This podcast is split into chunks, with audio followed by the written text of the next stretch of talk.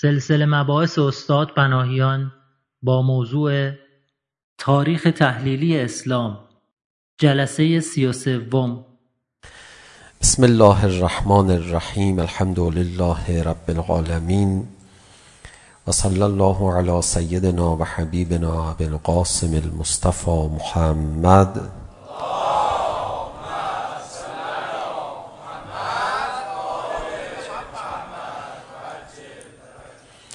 وآله الطيبين الطاهرين المعصومين سيما الحجة بقية الله الأعظم روحي وأرواح العالمين له الفداء اللعن الدائم على اعدائه مجمعين إلى قيام يوم الدين رب اشرح لي صدري ويسر لي أمري واحلل عقدة من لساني يفقه قولي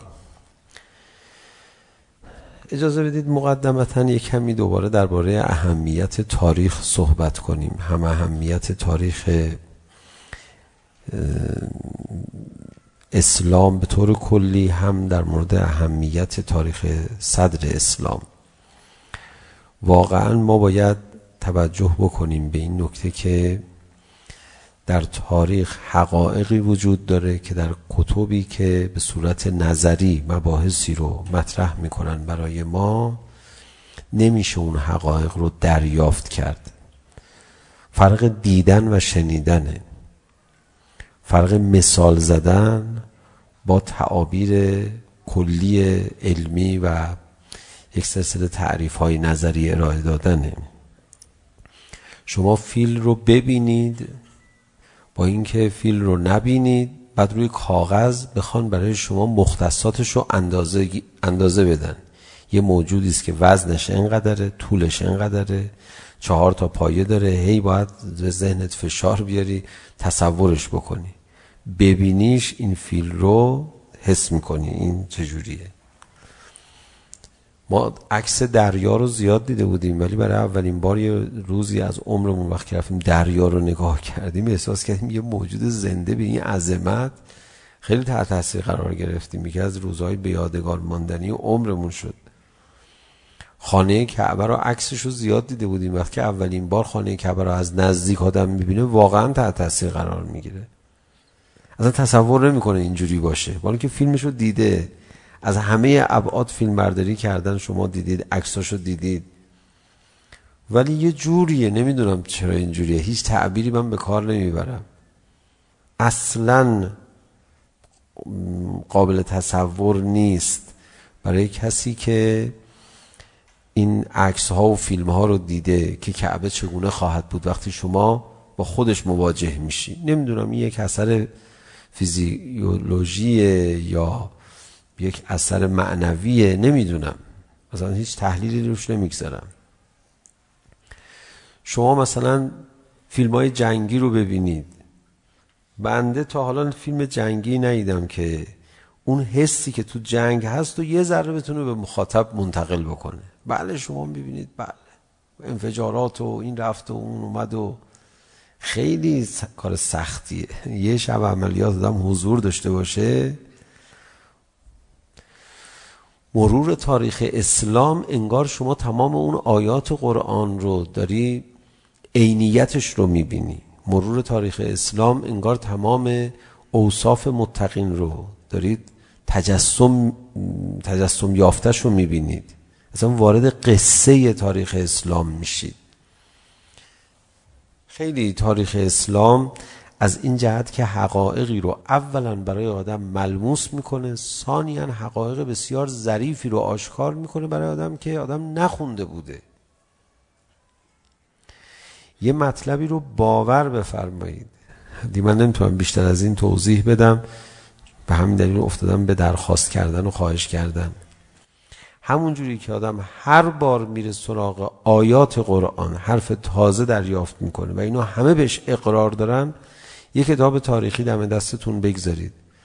هر موقع برید این کتاب رو دوباره بخونید دوباره نکته تازه میبینید. واقعا قرآن و اطرت وقتی میفرمان از هم جدا شدنی نیستن. خب اطرت در تاریخ بیشتر تجلی پیدا کرده تا در کلمات اهل بیت اسلام تهارت ائمه خدا علیهم السلام برای تاریخ اسلام هزینه کردند این همه مظلومیت و جانی که دادن برای تاریخ اسلام بود. اگه من بود یه سری نکاتی رو به ما مطرح کنند و برند و تاریخی شکل ندن اینقدر صدمه نمیخوردن. آقا ما این حرفا رو توضیح دادیم و خداحافظ شما. خودت قصه زندگی چجوری من قصه ندارم فقط همون چند تا نکته. ولی اهل بیت اومدن قصه ساختن و پای ساخته شدن این قصه ها جون دادن زجر کشیدن. نه میهود علیه السلام فقط یارانشون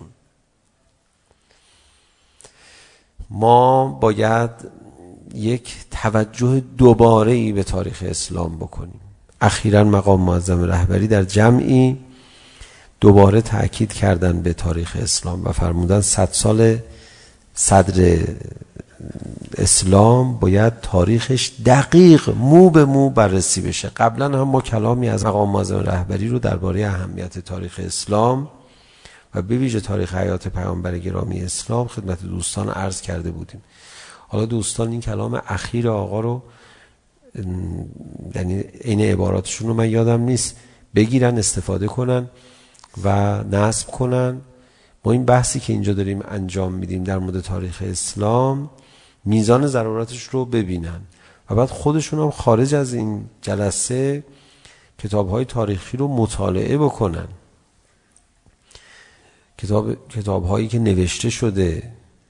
کتاب دکتر آیتی. واقعا کتاب نفیسیه. من مثلا دوست داشتم این کتاب امروز بیارم که ببینید چقدر پوسیده شده این کتاب دست من.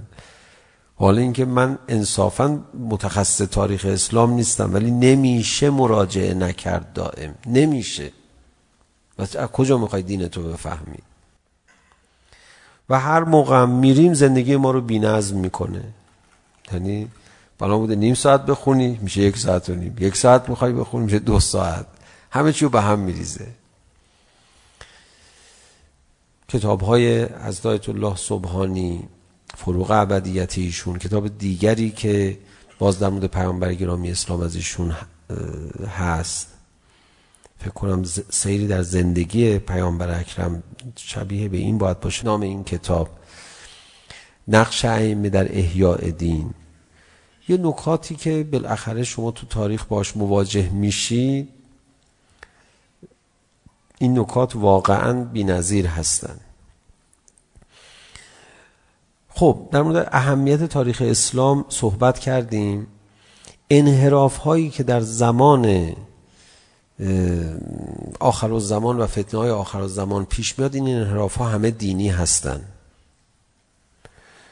و دیگه کسی ضد دین رفتار نمیکنه. ما بیش از گذشته به تاریخ اسلام محتاجیم. کسی میخواد شبهه جواب بده. دوچار شبهه نشه دوچار انحراف نشه تاریخ اسلام خیلی باید مطالعه کنه. چون تاریخ اسلام قصه هایی رو برای آدم تعریف میکنه که این قصه ها ابعادی از یک سلسله ماجراها روشن میکنن که هیچ کس روش کار نکرده تا حالا من اصلا چجوری توضیح بدم متاسفانه ما این فقر رو در حوزه های علمیه هم میبینیم در حوزه های علمیه یک طلبه روی تاریخ اسلام خیلی کم کار میکنه. اخیرا یک حرکتی شده که چند واحد تاریخ اسلام مطالعه کنن برن امتحان بدن. این دیگه نهایت لطفیه که به تاریخ شده در درس های عمومی حوزه. حالا به هر حال شاید نیاز نباشه شاید نیاز باشه که خود طلبه ها برن بخونن. ولی تاریخ خیلی بهش بیمهری میشه. اونهایی هم که دنبال سرگرمی هستن واقعا تاریخ سرگرم کننده است. یک کمی شما ارتباط برقرار کنین احساس رو خواهی کرد. ما همین بحث رو میخواستیم اینجا شروع بکنیم. خیلی از بعضی از دوستان میگفتن که آقا این بحث زیاد بحث جذابی نیست بحث های اخلاقی و معنوی جذاب تره من گفتم نه بچه ها مزه بحث های تاریخی رو بچشن. اگرچه ما حالا زیادم تاریخی بحث نمی کنیم تحلیلی تاریخی بیشتر بحث میکنیم. که حالا بعد از این سفارش اخیر آقا ما انشالله بیشتر تاریخی بحث یعنی مواد تاریخی رو بیشتر داخل بحثمون خواهیم ریخت. شما خودتون برید برداشت بکنید دیگه. خیلی میتونه واقعا سرگرم کننده باشه برای انسان. با این مقدمات از بحث تاریخ و اهمیت تاریخ بپردازیم به ادامه بحثمون. فصل عمومی بحث ما هجرته. خوبه. من یه فهرست اجمالی از بحث تاریخی خودمون رو که فکر کنم اگر خدا عمر بده تا ده سال آینده من فهرست رو نوشتم یه بار براتون بیارم. بعد نباشه. همچین ببینید که چقدر کار میبره این بحث ها ما در مورد جاهلیت صحبت کردیم. در مورد بعثت صحبت کردیم. در مورد تلا... دعوت صحبت کردیم در مورد تلاوت صحبت کردیم در مورد اداوت صحبت کردیم در مورد مقاومت صحبت کردیم حالا رسیدیم به هجرت این همش هم آخرش ت 20 خورده این موضوع همین همش هم آخرش ت یعنی ما تصادفا دیدیم که اینا چقدر هم قافیه هم میتونن بشن به, به صورتی البته حالا رسیدیم به هجرت در مورد اصل هجرت کمی صحبت کردیم بعد برگشتیم به مقدمات هجرت. مقدمات هجرت چجوری شکل گرفت؟ سه نفر از مدینه آمدن یه نفرشون پنبه تو گوشش گذاشته بود به سفارش بزرگان مکه که سخنان پیغمبر اکرم به گوشش نخوره. هنگام تواف. دیگه حالا ببینید ما از اول که اومدیم بحث کردیم دیگه تواف برقرار عبادت برقرار چه حرفایی رو ما با هم دیگه مرور کردیم که بعضی از سوالهایی که به من میرسه معلوم میشه رفقا اون بحثای اول رو نبودن پیگیر نبودن. یه سریال رو شما نمیتونید یه قسمتایشو ببینید یه قسمتایشو ندیده باشید. بنده یه فیلمی رو رفتم دیدم. حوزه هنری گذاشته بود یک سالی. یه قسمتش شو دیدم. بعد اومدم بیرون از من پرسیدن که فیلم سینمایی مشهوری هم شد بعدا. پرسیدن نظرتون چی گفتم من بد نبود. فیلم خوبی بود. اون کسانی که بهشون گفتم بد نبود فیلم خوبی بود داشتن شاخ در می آوردن. همینجوری به من نگاه کردن و کمی عقب عقب رفتن. گفتم من فیلم بدی ندیدم. بعدش نگو این زهرش همون قسمت های اول ریخته بوده. حالا دیگه اصلا هیچ چیزیش هم نمیگم. یعنی واقعا شما 20 دقیقه اول اون فیلم رو نبینی بقیهش خوبه. اون 20 دقیقه اول رو ببینی بقیهش همش فوشه. اون 20 دقیقه من ندیده بودم. حالا مثلا از اون طرفش هم هست دیگه. یعنی آدم همه رو که با هم میبینه تازه منظره دستش میاد. گفتیم مکه مذهبی ترین شهر جهان بود. حل اونا هم که دشمنی میکردن؟ ملاک دشمنیشون چی بود؟ اخلاق و معنویت بود. این داشته باشید تا به داستان مصعب برسیم یه کمی بیشتر اینو ببینیم. اینجوری نبود که سر مال و منال دنیایی مثلا با پیغمبر اکرم مخالفت بکنن. چرا مال و منال پشت سر قصه بود؟ ولی اون چیزی که هیجان اداوت در اونها ایجاد میکرد میگفتن ایشون میخواد دین ما رو عوض کنه. وای دین ما وای دین ما. دین چقدر زور داره؟ چقدر قدرت داره؟ این رو باید دقت کرد. شما دارید وارد آخر و زمان میشید. وارد آخر و زمان میشید درگیری ها سر دین میشه. همین الان دارید میبینید تو منطقه. سر دین دارن سر میبرن. حالا دین دروغین. ابی نداره بالاخره دعوا سر دینه. زمان پیغمبر اکرم اینجوری بود. و الا اگر اونا بی دین بودن لا مذهب بودن پیغمبر اکرم دعوت به دین میکرد مشکلی ایجاد نمیشد. اونا بر خودشون دین داشتن دین هم یه تعصبی ایجاد میکنه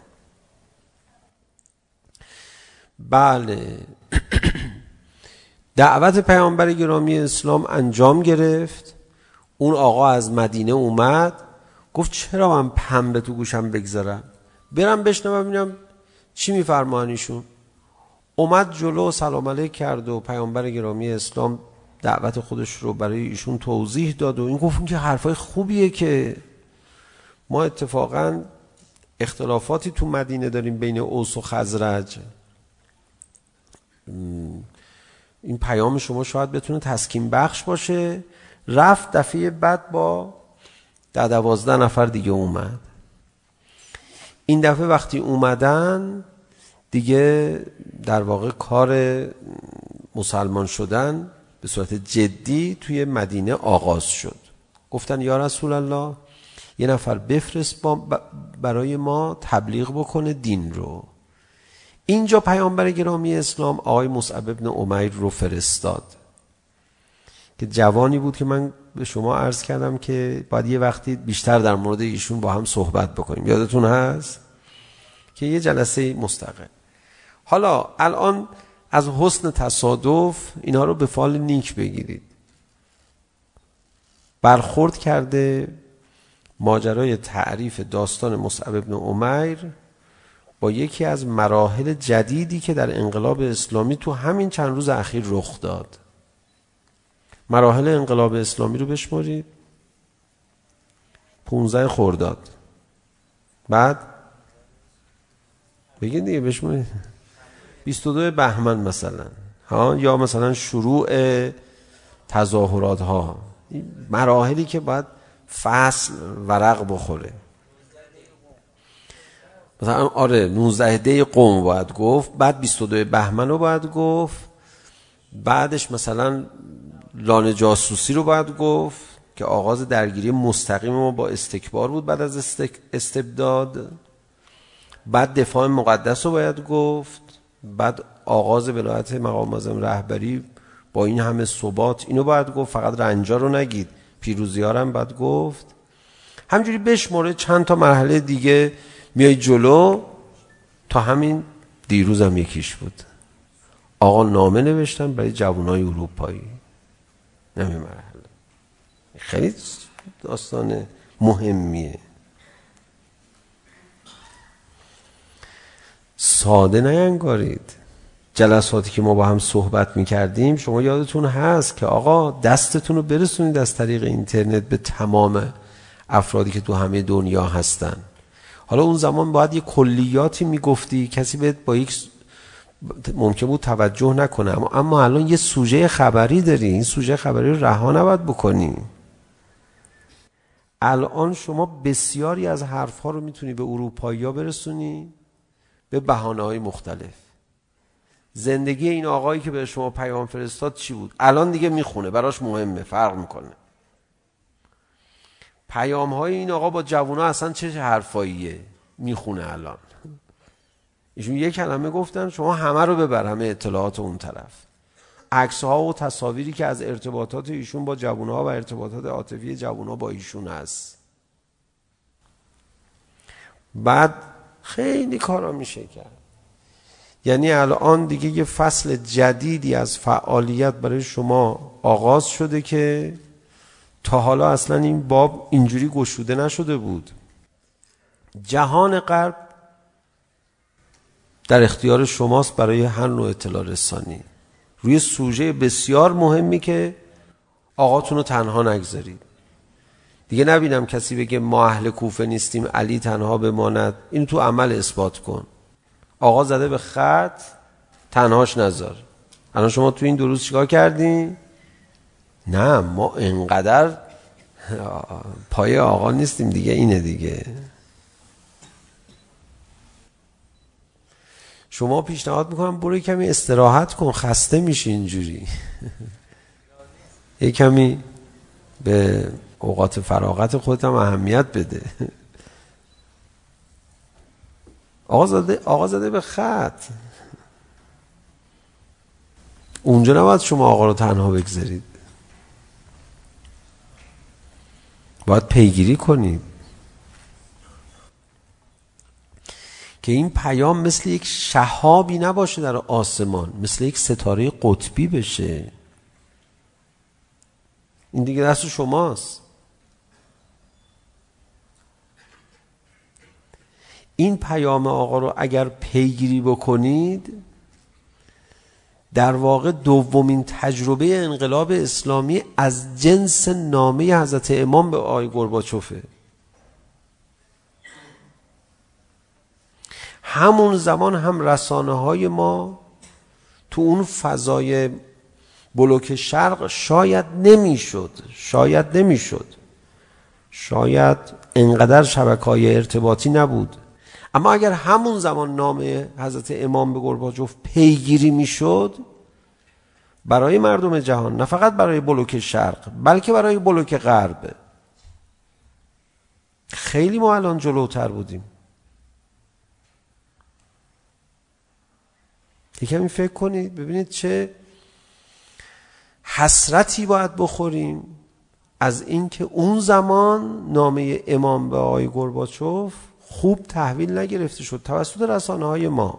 البته خب من میتونم یه مقداری بپذیرم که نه اینقدر شبکه های ارتباطی و ماهواره و رسانه ای وجود داشت نه. بالاخره ما امکانات زیادی داشتیم.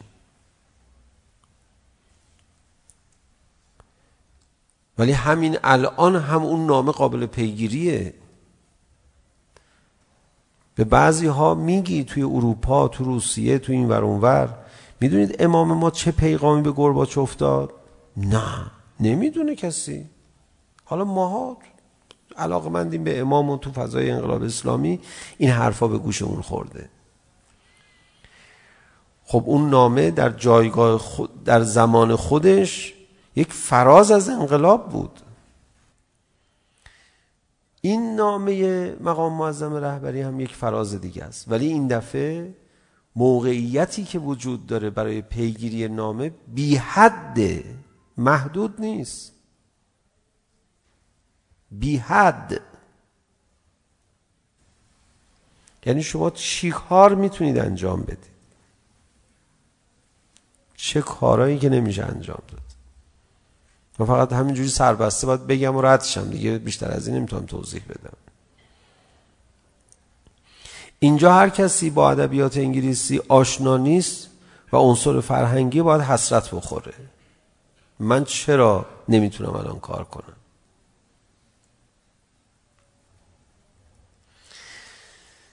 یه بار یکی از جوانهایی که دوران راهنمایی ما با هم هم بازی بودیم و هم مدرسه ای بودیم رو دیدم. اون زمانشون ترک تحصیل کرد رفت دنبال کاسبی. بعد بهش گفتم که نشستم تو ماشینش. ما ماشین نداشتیم ایشون ماشیندار شده بود و بعضش خوب شده بود الحمدلله. دیدم نوار آموزش انگلیسی داره گوش میده. گفتم برگشتی به درس؟ گفت نه بابا میخوام زبان یه مقدار یاد بگیرم. گفتم برای چی میخوای زبان یاد؟ بگیری خارج از کشور؟ گفت نه بابا. اون ترانه های خارجی رو میخوام گوش بدم. نمیفهمم این چی میگه. میخوام بفهمم. خوبه دیگه. یعنی انقدر هم ما غیرت نداریم. که ترانه های داخلی خودمون رو بخوایم صادر کنیم بریم از این زبان سر در بیاریم. باید کار کرد. من یه خبر جالب به شما بدم البته خبر جدیدی نیست. از دیر زمان شنیده بودم ولی متاسفانه خودم عامل نبودم. یعنی نتونستم بالاخره ما شرایطمون شرایط جنگی بود. ما جنگ زده ایم میگن از جنگ برگشته. مگه ما اون از جنگ برگشته ایم اینقدر وضعیتمون مثل شما دارای ثبات نبود. هیئت داشتیم هیئت تعطیل هم رفتن عملیات. نصفی شهید حالا بعد برمیگشتیم دوباره چیکار کنیم رفتن اصلا همه چیکارات بکنیم اون یکی میرفت اونور اون یکی میرفت اونور اصلا هیچ امید به آینده نداشت به این صورتی که من یکی از پیام های یکی از شهدا رو دیدم خیلی تعجب کردم بعد از دفاع مقدس هم دیدم که ایشون تو اون پیام نوشته بود که یا صحبت بوده یا وصیت نامه بوده نامه بوده نمیدونم که بعد از جنگ بازماندگان جنگ چند گروه میشن؟ خیلی تعجب چی؟ شهید باکری آره. خیلی تعجب کردم. اه ایشون تو جنگ بعد از جنگ هم فکرش به فکرش رسیده بوده. عجب فکر بلندی داشته. اصلا ما بچه بودیم ایشون فرمانده بوده زمان جنگ. ما بچه بودیم. ولی اصلا یه بار تو مخیلمون نیومده بود بعد از جنگ چه میشود.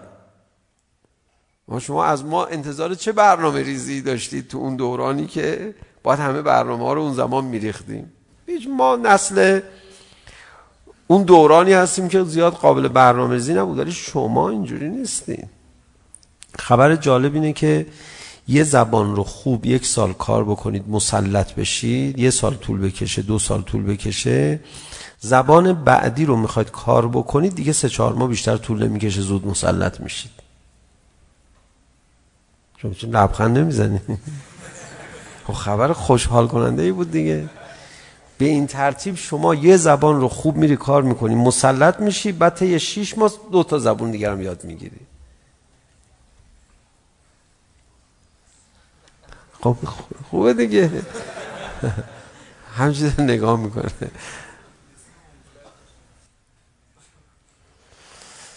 بله آقا یه آقایی بود به نام مصعب ابن عمر پدر و مادرش خیلی ثروتمند بودن. و از جوانای بسیار شیکپوش مکه بود. عطرها و ادخلون هایی که استفاده می کرد به اصطلاح زبان زد بود. خیلی جوان خوشتیپی هم بود. به حدی که توی مکه به عنوان یک جوان نمونه با کلاس معرفی می شد ایشون ایمان آورده بود به پیامبر گرامی اسلام. همین کسی که پیامبر اکرم وقتی اهل مدینه درخواست کردن که یه مبلغ برای ما بفرست یه مبلغ شیک پوشه خیلی خوش تیپه تو دلبروه خوش صدای خوش سر زبون فرستاد. مبلغ اینجوری باید باشه دیگه. بعد داستان ایمان آوردن ایشون این بود که میدونست خانوادش مخالفت میکنن. به ویژه مادرش تعصب دینی بالایی داره به اون دین لادین که داشتن پنهان میکرد. تا یه روز یک نفر یعنی میخواست بره منزل زید ابن ارقم که مخفیگاه مؤمنین بود میرفتن دور هم اونجا مینشستن دین یاد میگرفتن اجرا میکردن مناجات میکردن. پیش پیغمبر خدمت پیغمبر میرسیدن مخفیانه میرفت. نمازاش هم مخفیانه میخوند. میرفت جای قایم میشد نماز میخوند. یه بار موقع نماز خوندن دیدنش. اومد خبر داد. خبر ایمان آوردن او در مکه موجب شد که مشرکین سرانشون در دارالندوه جلسه تشکیل بدن. که دیگه وضعیت رو از وضع خطر عبور شد یافته تر ببینن. که آقا دیگه باید یه کاری کرد. فشارها رو بر پیامبر اکرم باید زیاد کرد و به قتل رسوند و کشت و چه کرد و چه کرد و چه کرد. من برام خیلی عجیب بود. اینا همیشه ناراحت بودن مشرکین از مسلمان شدن جوانهای دیگه. مصعب وقتی مسلمان شد شهر مکه به هم ریخت. گفتن تا حالا اکثرا جوانهای فقیر میرفتن مسلمون میشدن. این یه جوان ثروتمند این خیلی علامت خطره. یک کسی برای ما باقی نمونده. گفتن هر جوری شده با عمر پدرش باید صحبت بکنیم که بچه‌شو به قتل برسونه یه کاریش بکنه. نمیش ما نمیتونیم اینجوری. اومدن تهدید کردن دیدن نه عمر بد جوری داره دفاع میکنه از پسرش نه دفاع بکنه از دین او. که بی خود میکنید شما به این دلیل بخواد بچه منو بکشید. یه کمی حاشیه امن پیدا کرد. ولی مصعب رو تو خونه زندان کردن. و مادرش هم پای کار این قصه بود. مادر بسیار ثروتمندی هم داشت. آقای مصعب زندان شده بود. در یک فرصتی از زندان فرار کرد. خودش رو رسوند به جمعی از مسلمانان که در اثر شدت فشار قبل از هجرت به مدینه باید پیامبر اکرم فرمود هجرت کنید به حبشه مصعب همراه اون جمع اندک هجرت کردن به حبشه اونجا یه مدتی آسوده بودن. کسانی که هجرت کرده بودن به حبشه پادشاه حبشه به خاطر سوره حضرت مریم و تعلیمات دین اونها رو تحویل گرفته بود که داستانش رو در قرآن میفرماید. خداوند متعال اشک تو چشمش جاری شد. این تیکه رو خیلی تو فیلم پیامبر گرامی اسلام که ساخته بود مصطفی عقاد قشنگ نشون داد اونجا چی شد برگشتن شایعه کردن که اهالی مکه همه مسلمون شدن و دست از آزار پیغمبر ورداشتن اینا برگشتن برگشتن دن ای با این شایعه دروغ بوده گرفتار شدن دوباره ولی دیگه مصعب تن به اسارت نداد خودش رو از کنار پیغمبر اکرم جدا نکرد. در داستان شعب ابی طالب مسلمانای مکه خیلی هاشون با پیغمبر اکرم نبودن. من گفتم داستانشو به شما بنی هاشم اطراف پیغمبر بودن. غیر از بنی هاشم یکی از نوادر افرادی که اطراف پیغمبر بود در جهت محافظت از پیغمبر و این محاصره رو تحمل میکرد مصعب بود. وقت این مصعب کارش کشید به یک لباس پاره پوره و بدنش در اثر شدت و آفتاب پوست پوست شده بود شبیه پوست مار که میخواد پوست بندازه. پیغمبر اکرم بارشون نگاه کرد شروع کرد گریه کردن. که این یک کسی بوده که جوانان از جوانان اشراف مکه بوده. ببین وضعش به کجا رسیده. این سیر و سلوک مصعب رو ببینید. نشون داد. برای دین باید مایه گذاشت. برای دین باید زجر کشید. همه اون مواهب رو از دست داد. یک کلمه کوتاه می اومد تموم شده بود. عوضش این مادرش رو همیشه نصیحت میکرد و مادرش گفت من تو رو زندان میکنم دوباره آدم میگذارم اونم گفت من میکشم میزنم یعنی درگیر میشم مادرش هم بالاخره اون یه مقدار محبتی که داشت گفت خب باشه تو به دین خودت من به دین خودم. پیامبر گرامی اسلام مصعب رو فرستاد مدینه مدینه شروع کرد به یاد دادن قرآن و تلاوت قرآن جریان تلاوت و مصعب رو یه بار با هم صحبت کرده بودیم نامه نوشت به پیامبر اکرم آقا اینجا تعداد مسلمان‌ها زیاد شده ما یه جمعی تشکیل بدیم نماز جمعه را بندازیم جالبه من برای شما بگم اولین نماز جمعه در تاریخ اسلام رو مصعب برقرار کرد. و خودش امام جماعت امام جمعه شد و در مقابل شنبه یهودی های مدینه این جمعه رو علم کردن. اون کسی که تو خانش نماز جمعه برگزار شد اون روز تعام داد به بقیه مسلمون ها و دیگه مصعب مشهور شده بود دیگه. یه نفر با شمشیر اومد که بره سراغ مصعب. بهش گفتن این دوتا که یک پذیرایی کننده در مدینه داشت. اسعد ابن زراره بود اینجوری که یادم هست. و این آقای مصعب اینا دارن جوانا رو را به در میکنن. مدینه یا اونقدر حساسیت مثل مکه یا نداشتن نسبت به دین پیامبر که مخالفت بکنن. بگو چرا؟ برای اینکه مکه یا نون اون دینی که داشتن میخوردن. ولی مدینه یا اگه بت پرست بودن دور خانه کعبه تواف میکردن نونش رو که نمیخوردن که. لذا راحت میتونستن از دست از دین علکیشون دست بردارن به دین راستی پیامبر گرامی اسلام ایمان بیارن. در عرض یک سال هفتاد و خورده این نفر بلکه بیشتر مسلمون کرد نامه نوشت یا رسول الله اینا مسلمان شدن ما میخوایم اینجا انجمن چیزی را بندازیم نماز جمعه را بندازیم نماز جمعه را انداختن. عباداتشون رو مصعب یاد میداد و برنامه نماز جمعه را یعنی آدمی بود تشکیلاتی هم بود غیر از تبلیغاتی بودن. بعد برگشت آمد به مکه. وقتی آمد به مکه دیگه دیدار مادرش نرفت رفت دیدار پیغمبر اکرم مادرش نوشته تاریخ گله کرد ازش. صداش زد گریه کرد مادر تو نمیای منو ببینی؟ و اون من که پیامبر اکرمو بر تو ترجیح میدم. من جانمو پیغمبر اکرم. دیگه هر چی التماسش کرد بازم اینها.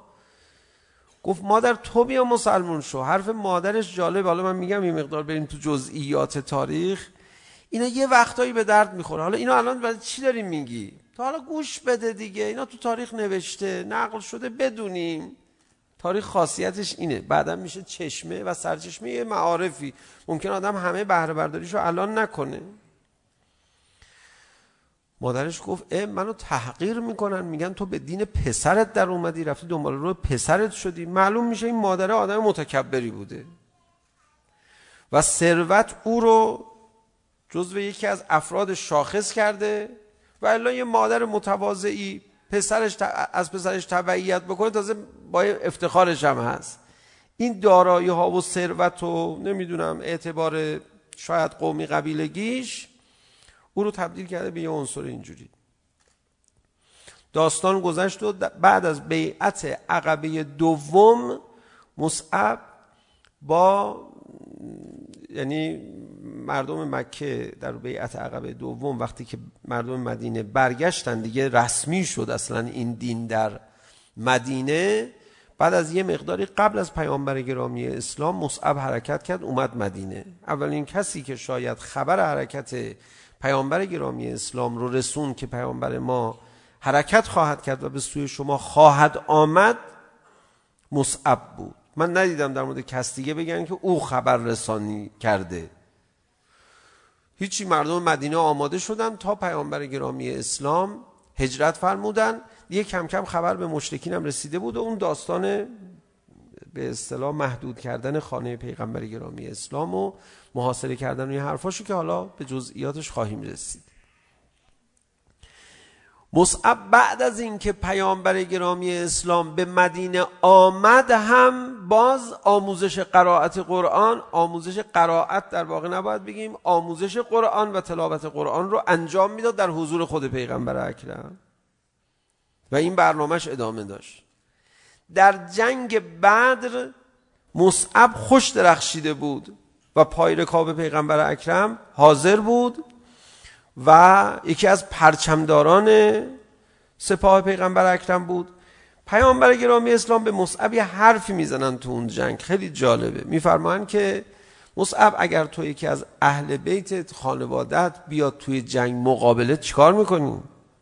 عاطفه میگیردت گفت نه یا رسول الله من عاطفه قومی نمیگیرد منو حالا در همین یه جمله من باید کلی وایستم یه گفتگوهای انجام بدم با شما دوستان و سروران خودم که آزمایش های عجیبیه. ولی واقعا من نمیدونم جامعه ظرفیت شد داره ما تو این زمینه ها واقعا ورود پیدا بکنیم یا نه. به یکی از کسانی که در این باره یه تذکری داد مصعب بود. مصعب اگه فامیلات اهل بیتت اومدن خانوادت اومدن عاطفه خانوادگی میگیرده گفت نه یا رسول الله نمیگیره. حالا تو جنگ چی شد؟ برادر مصعب اون طرف پرچم داره. فرزند دیگر عمر اونجا وایساده تو سپاه بدر. اسیر شد. اسیر شد تو تاریخ نوشته مصعب به یکی از انصار برگشت گفت دستشو خیلی محکم ببن فرار نکنه. بعد برادره بهش اعتراض کرد گفتش که تو منو اسیر کردی گفت من که تو رو اسیر نکردم که من مگه اسیر کردم تو رو بهش گفتن چرا میگی دستشونو دست ایشونو محکم ببر گفت ایشون مادرش فرد ثروتمندیه باید پول ازش بگیریم برای مسلمان ها یه پول کلانی از مادرش گرفت برای مسلمان ها اون پسرتو میخوای اون زمان رسم بود این کارو میکردن اسرا رو آزاد میکردن پول میگرفتن این ور یه کمی از چون اونا همه خانواده های اینا رو چون که من عرض میکنم نه که دلیلش این بود دلیلش دستور پیغمبر خدا بود اما از اون طرف هم شما اینو خبر داشته باشید دیگه مسلمان ها در واقع زندگی خودشون تو مکه رها می‌کردن میومدن اینور و اونا تصاحب میکردن زندگی مسلمان ها رو غالبا مصعب این دینداری رو اینجا نشون داد که پای قصه خانوادگی وای نمیسته یعنی اسیر خانواده نیست اسیر دینشه. این حرفا یه مقدار ممکنه الان واقعا تو جامعه ما آسیب داشته باشه. بعضیا مقابل خانواده خوب خودشون سر لجبازی وایسن. بعضیا همون رعایتی که اویس قرم برای مادرش داشت و نکنن. باید مواظب این آسیب هاش باشیم. ولی خبر داشته باشیم دیگه حالا اینا رو بدونیم. مصعب در جنگ احد مثل جنگ بدر وارد شد و اینجا یکی از علمداران اصلی میدان بود. وقتی مسلمان ها به هم ریختن مصعب داشت شعار میداد شایعه قتل پیغمبر گرامی اسلام پیچید تو لشکر. یکی از کسانی که فرار نکرد. این یه امتیاز. بعد قاری قرآن بود. قاری به معنای عارف به قرآن بود. نه قاری به معنای اینکه خوش صدا و صوت بود فقط. بلا فاصله اون آیه قرآن رو شروع کرد به خوندن. رجزش علیه دشمن تبدیل شد به تحریک دوستان که آقا اگر پیامبر از دنیا بره شما انقلبتم علی اعقابکم شما برمیگردید به اعقابتون واسید بجنگید بصیرتش رو ببینید چقدر بالاست. و فریاد میزد. دشمنان دیدن برای اینکه بتونن به سپاه اسلام ضربه بزنن مصعب رو باید بزنن. مصعب تا اینجا وایساده اینا مقاومت میکنن. مصعب رو زدن دیگه مقاومت در هم شکسته شد. این چه نقش خدا بهش داده. اومد دست راست مصعب و زد میگه با دست چپ شروع کرد پرچم رو نگه داشتن و رجز میخوند و نبرد میکرد. دست چپش رو زد. با اون مقداری از دستش این علم رو تو سینش نگه داشته بود و فریاد میزد و سپاه اسلام رو نگه میداشت. چه صحنه شورانگیزی. معلوم میشه تمام این مسیر رو صادقانه اومده بوده که به این قله رسیده. و بعد اومد همون فرد سینه مصعب رو شکاف و مصعب روی زمین افتاد. پیامبر گرامی اسلام وقتی به بدن او رسید این آیه قرآن رو تلاوت کرد بالای سر او. من المؤمنین رجال صدقوا ما آهد الله علیه و منهم من قضا نحبه و منهم من ينتظر بعد برای او اشک ریخ دستور داد بدن او رو به خاک سپردن.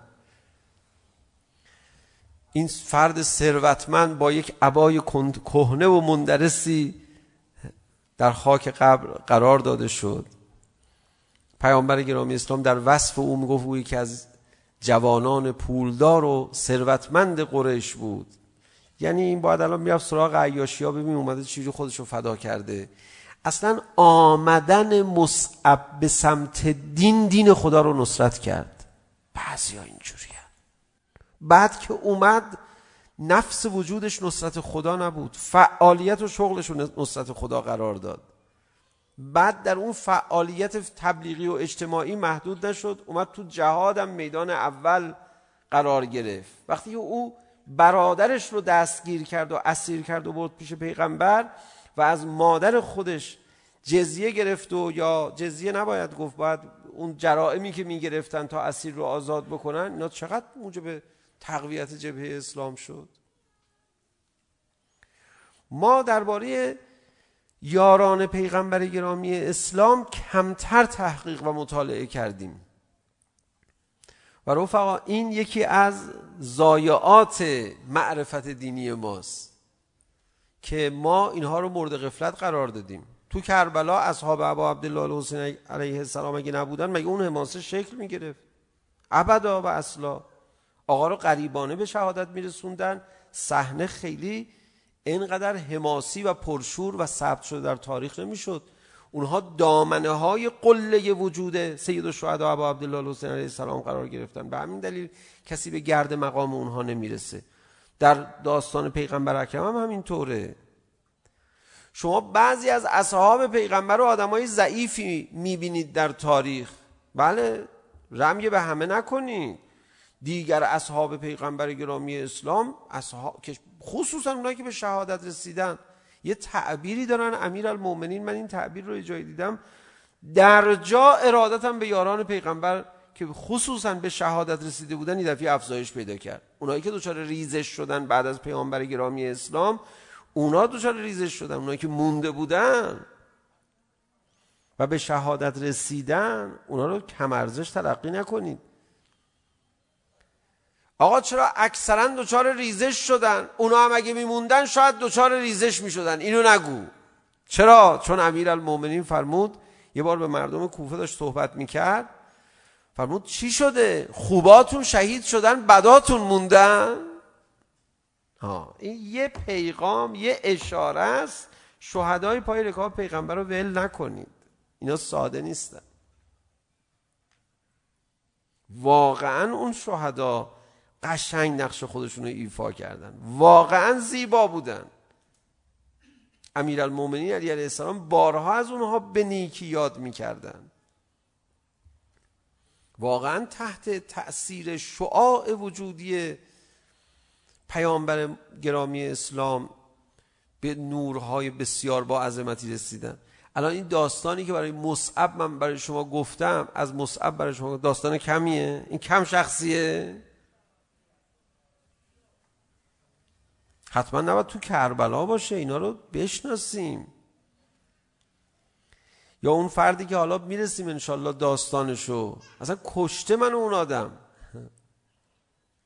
بابا باریکلا مروتش همه چیش وقتی که دو نفر مانده بودن برای دفاع از پیغمبر گرامی اسلام در جنگ احد پیغمبر اکرم به اون نفر که در کنار امیرالمومنین بود فرمود که ببین فلانی میخوای بری برو یا رسول الله شما الان میفرمایید فرار نکنید منم برم جزو اونا شما تنها میمونید آقا آقا فرمود میگم اگه میخوای بری برو یه کار از این حرفا گذشته برگشت صدا زد علی ابن ابی طالب برای چی مونده فرمود علی مانده از من دفاع کن گو آقا پر منم هستم آقا دعاش کرد اتفاقهای قشنگ پای رکاب پیغمبر اکرم کم نیفتاده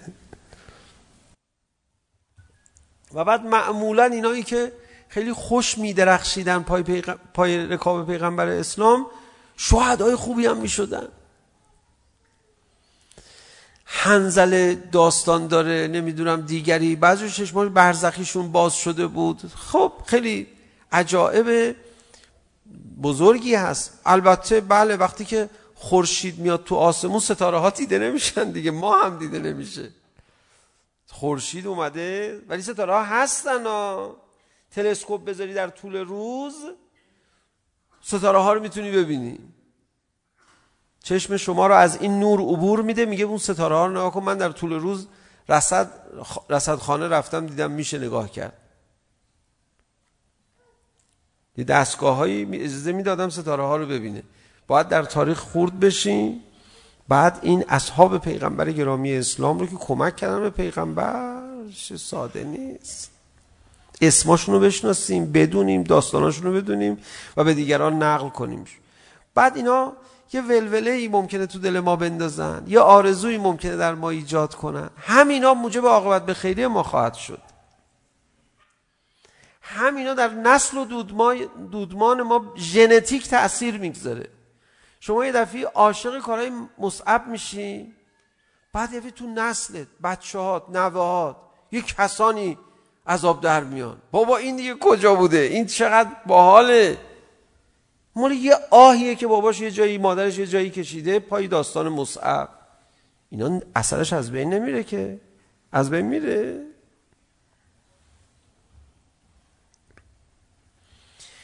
مصعب رو پیامبر گرامی اسلام با احترام به خاک سپرد یه علمدارم تو کربلا اونجا دیگه بحث علم دیگه بیش زیاد نبود اون چیزی که خیلی علمدار اصرار داشت نگه داره مشک آب بود اگر فقط بحث علم بود شاید از پس دشمنان و رقبای خودش برمی اومد انگار شیشه عمر اول فضل العباس شده بود این مشک آب. خدا انشالله به حق شهدای پای رکاب پیغمبر گرامی اسلام ما رو جز به کسانی که دین خدا دین پیغمبر خدا رو نصرت میکنن قرار بده. یه کمی به دین خدا کمک کنیم. هیچ معنویتی بالاتر از این هست؟ و من احسن و قولا ممن دعا الله. کی بهتر از اونیه که قولا مردم رو به سوی کی بهتر از اونیه که قولا مردم رو به سوی خدا دعوت بکنه؟ از نظر قول کی بهتر از اون کسیه که قول خودش رو کلام خودش رو در خدمت دعوت به سوی خدا قرار بده؟ انشالله تو خون ما بره دعوت. یعنی جزو غریزه ما بشه. فرمود نصیحت غریزه مؤمنه. غریزه خیلی بالاتر از وظیفه است. این نمیتونه این کارو نکنه. یه آتیشی میفته تو جونش باید همه رو از این آتیش خبردار بکنه. بکشونه و بیاره ببره.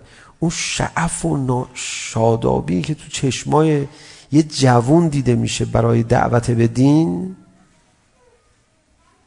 اثرش فوق‌العاده است خدا شاهده. حضرت امام هم کارشو پیش برد با وسیعتنامه های شهدا بود. اینا وسیعتنامه می نوشتن. مثلا مردم میموندن در مقابل این. بارها من دوران دفاع مقدس بعد از دفاع مقدس تو مراسم شهدا مکرر گفتم. گفتم امام دستور میداد مردم میرفتن جبهه ولی وقتی شهیدی می اومد مردم بیشتر میرفتن جبهه. برای اینا اثر دارن. اینا وقتی شهید می شدن علامت حقانیت امام بودن بابا چه گلهای پای آقا وایستادن پای امام وایستادن تا پای جونشون وایستادن من انصاری الله یک تعبیر بسیار با عظمته کی میاد منو کمک بکنه پیغمبر اکرم نیاز به کمک نداره ولی خدا هم که نیاز به کمک نداره این سنت الهیه پیغمبر من, من کار تو رو راه نمیندازم مگر اینکه امثال مصعب اطراف تو زیاد بشن ولی کار تو راه نمیندازم و الا قدرت اولیاء خدا به ذره گر نظر لطف بود تراب کند به آسمان رود و کار آفتاب کند. ولی خدا اینجوری کار پیش نمیبره. باید امثال مصعب در اطراف تو باشن. خدا ما جزو اونها قرار بده. وقت اول فضل عباس تا اجازه میدان گرفت اول برگشت گفت آقا یا ابا عبدالله اجازه میدیم من دو کلمه با اینا حرف بزنم اول؟ اون کار تبلیغیشو بکنه البته اول فضل عباس کجا دیگر اصحاب اولیاء خدا کجا امام سجاد علیه السلام فرمود همه حسرت اول فضل عباس رو میخورن همه شهدا قبطه میخورن یعنی به مقام اول فضل عباس حضرت اجازه داد بعد اول فضل عباس علیه السلام رفت مردم رو دعوت کنه اون متنی که من دیدم برای دعوت اول فضل العباس متن فوق العاده هولاکیه. نمیشه اصلا بیان کرد. برگشت حالا من به زبان خودم سخن اول فضل عباس رو برای شما بگم. یعنی جز یک امام نمیتونه انقدر بزرگ باشه و کلمات این چنین بزرگ بر زبان جاری کنه. و دلش به حال اون بدبخت ها بسوزه جز یک امام کی میتونه اینجوری باشه؟ جز یه پیغمبر چجوری می... کی میتونه اینجوری باشه؟ پیغمبر گونه شده عباس. امام گونه شده. برگشت صدا زد. نامردا تمام جوانان و اصحاب این مردو کشتید.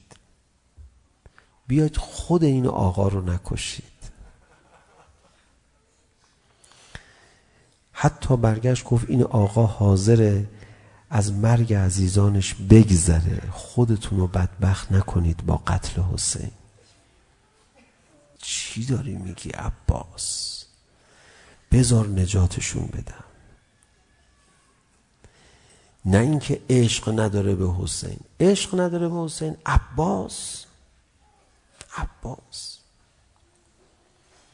اصلا دستاشو زدن نگاه نکرد دستش کجا افتاد؟ عشق نداره با امسه امشب شب رهلت و شاید شهادت حضرت معصومه سلام الله علیها هم هست. هدیه کنیم این روز اول فضل عباس رو به این خواهر.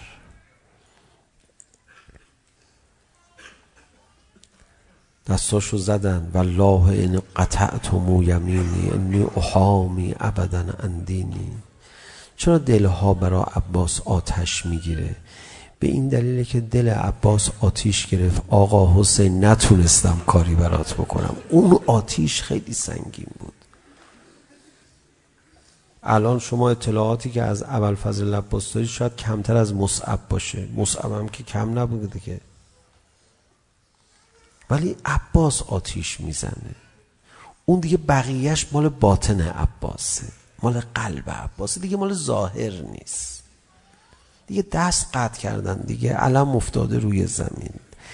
بقیه این آتیش مال اطلاعات ما نیست.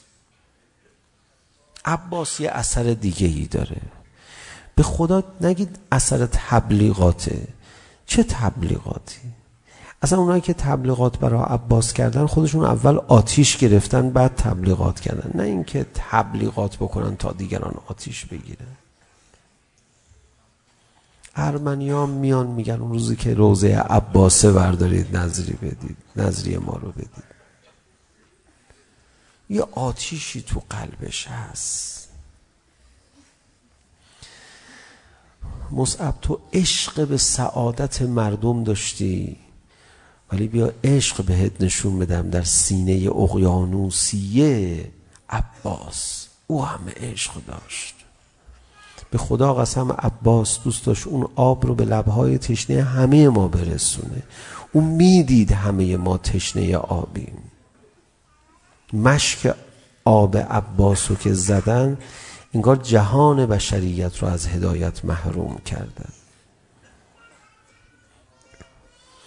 یه جمله ذکر مصیبت هم از حضرت معصوم سلام الله علیه ها داشته باشم. یعنی خدمت ایشون عرض ارادت بکنیم. خواهر شما رفتی به سمت برادر برادر داغ شما رو دید. فکر میکنم این قابل تحمل تره از وقتی که خواهر داغ برادر رو ببین. فکر میکنم اون خیلی جانسوزتره